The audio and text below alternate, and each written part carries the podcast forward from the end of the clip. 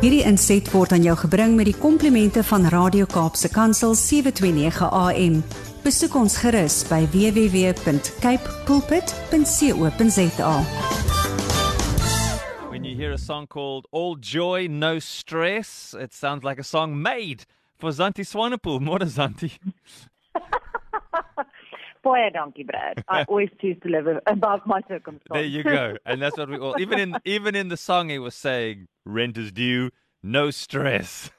all of the things, the No. challenges, no stress.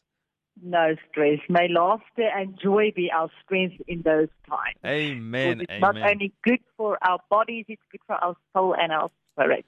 Yeah. So now we, we, we're hungry. Now we listen to a song like that, and some people say, well, it's easy for you to say you're an artist making lots of money. Uh, that's not really how it works. Uh, it's bibl- the song's based on what the Word of God says, not on the word of some guy. Exactly. And you know what, Brad? It's on that note. How interesting is it that somebody would make that remark and that God works so universally and that He's hy's net so beheer en hy's Mm. net so amazing met die detail. Because the story I want to tell you this morning is somebody like that. Mm. Somebody that we can say is an artist, is famous, has all the money. How can they ever stress or anything go wrong? They've Yeah. got everything we dream of having.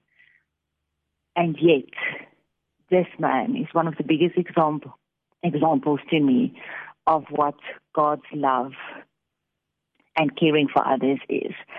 I want to leave you this morning with two quick stories just to bring something home to you that, that the Lord has really placed on my heart. And it all started with Valentine's this week. And um, I don't know if you know the story. I don't do things if I don't understand why I'm doing them Mhm. and what they stand for. And Valentine's is actually a, an awesome day where a saint that was born in Italy, he was a bishop, was martyred and beheaded because he kept on marrying young couples and honoring God's institution of marriage and doing that before God. He lost his life because he stood for love the right way. And isn't that wonderful? And, Mm. and, and celebrating Valentine's, I also think about that. But the greatest example of love of all is God's love towards us. And his essence is love. God doesn't have a characteristic that is love. His essence is love. Mm. So beautiful in Exodus 34, verse 67, where it says, Then the Lord passed in front of him and proclaimed, The Lord, the Lord God, compassionate and gracious, slow to anger, and abounding in loving kindness Amen. truth, keeping mercy, and loving kindness for thousands, forgiving iniquity and transgressions and sin. I want to start with a theme this morning that says, The days that break you are often the days that make you. Sometimes when we are broken, when it feels like our whole life lies shattered on the ground, when it feels like there's no way that these pieces can ever come together again and be useful, those days, God says, I am love. I love you unconditionally. I don't love you only on your good days. I love you those days that you are frustrated, Mm. that you cry and you feel you cannot even get out of your bed. I love you those days. I love you the days that you ask so many questions and I wish I had time to answer all of them. I think God says. I love you those days. I love you the days that you are irritated. I love you the days that you are compassionate. I love you unconditionally. But you know what? It's like we started this morning, and when I said that the story I'm going to share with you this morning is about someone that, that we could say, like you said, Brad, Mm. yeah, but that person is an artist. They have so much money. They they can sing, don't stress. They can sing that. But for me, it's a different story. I want to share this morning a story of one of the most famous actors, the living, in Hollywood today. He is a very famous man, but his story is as follows.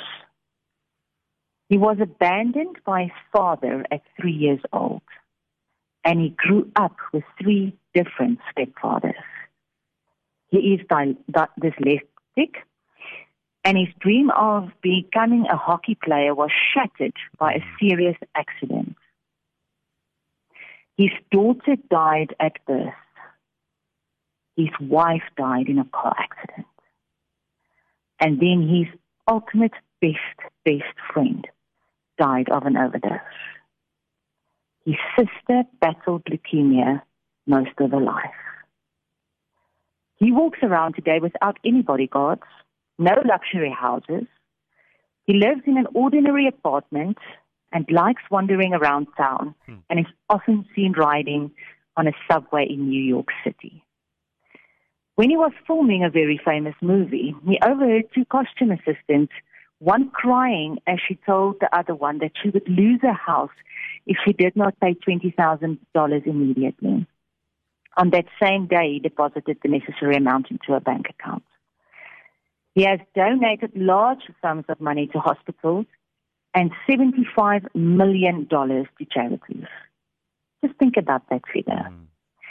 In 2010, on his birthday, he walked into a bakery, bought a bruschetta with one single candle on it, and ate it in front of the bakery.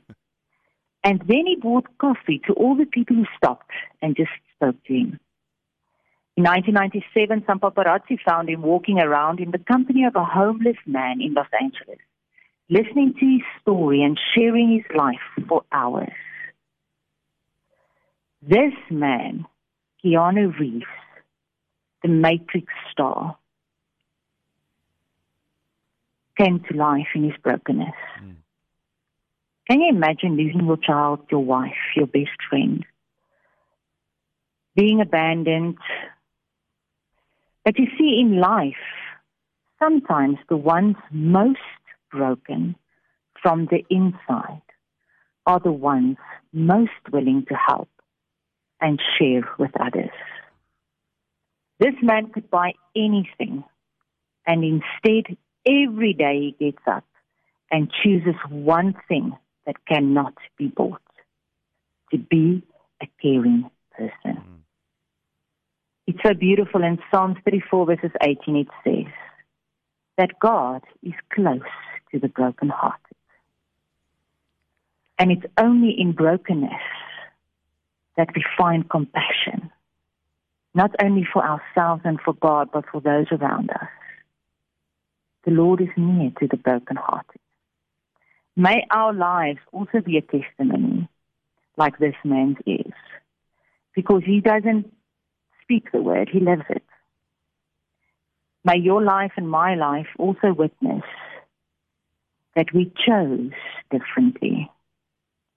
Even if we, we had everything a person could dream of, that would always come second to reaching out mm.